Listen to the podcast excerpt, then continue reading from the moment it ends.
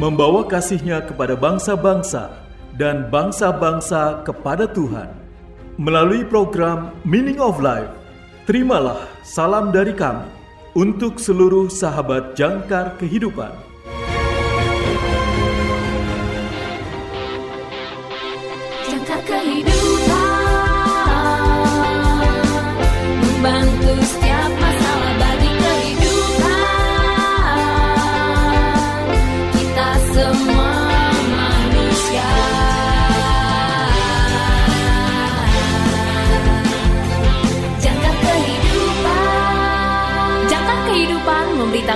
Memberitakan kabar baik buat kita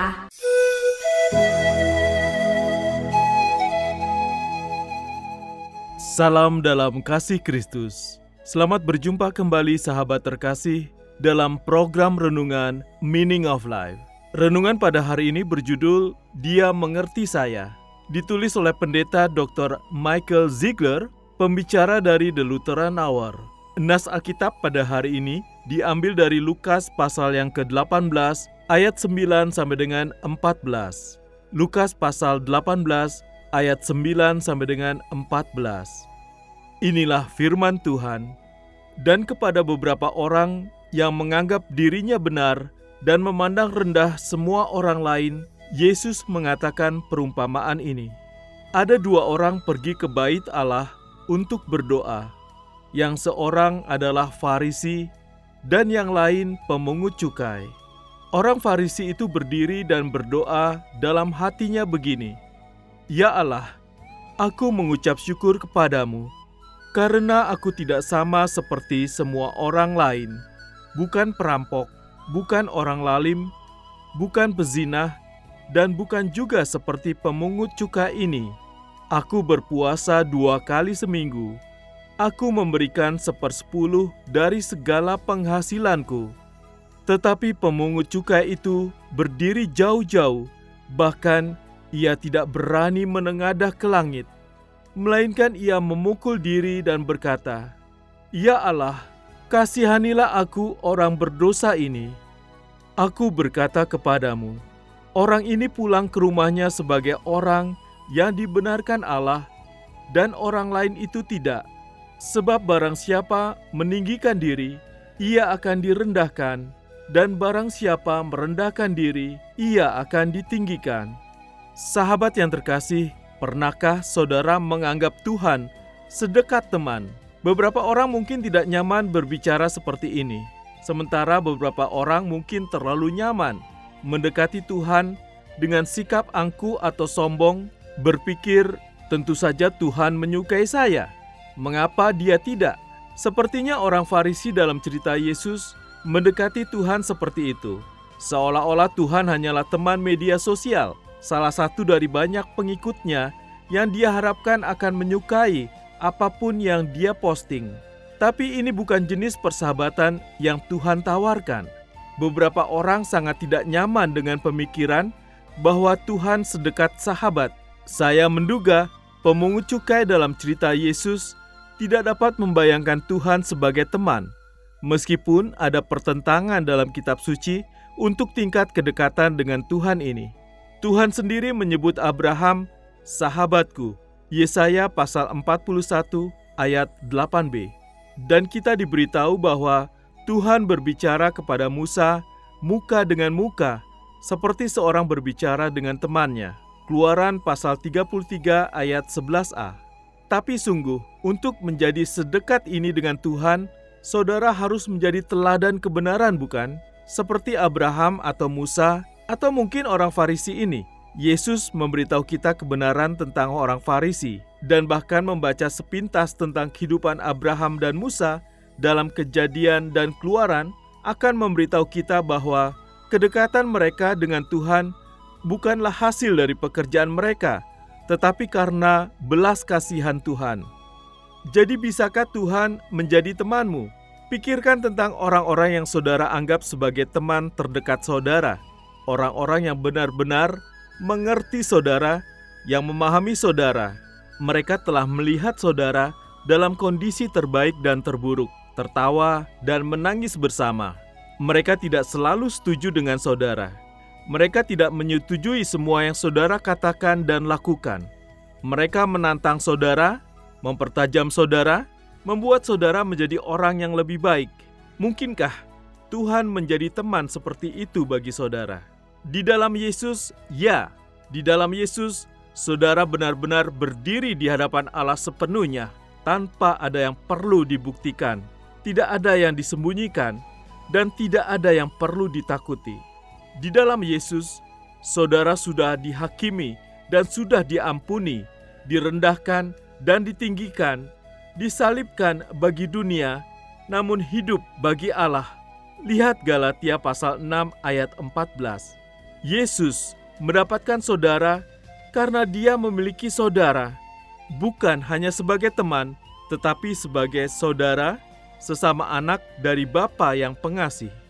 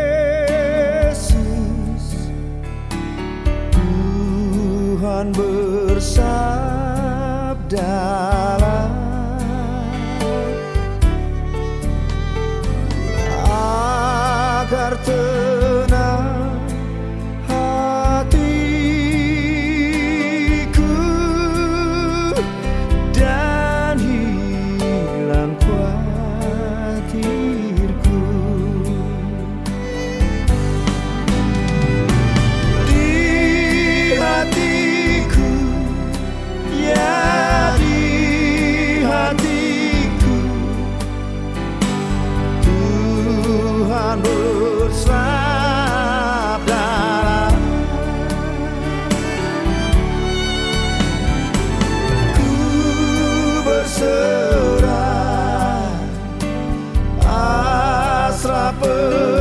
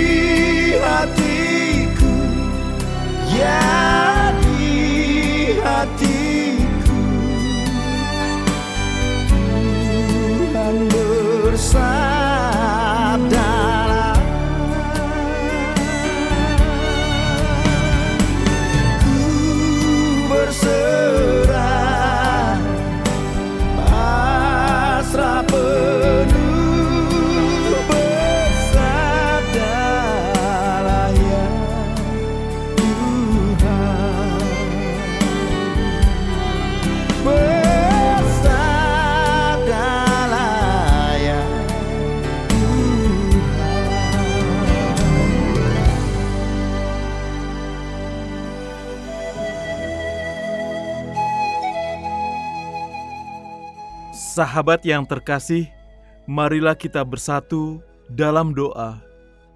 Ya Tuhan, Engkau mengenal aku lebih baik daripada aku mengenal diriku sendiri dan tetap mencintaiku. Terima kasih Tuhan. Dalam nama Yesus, aku berdoa. Amin. Terima kasih saudara sudah mendengarkan program Meaning of Life. Persembahan Yayasan Jangkar Kehidupan.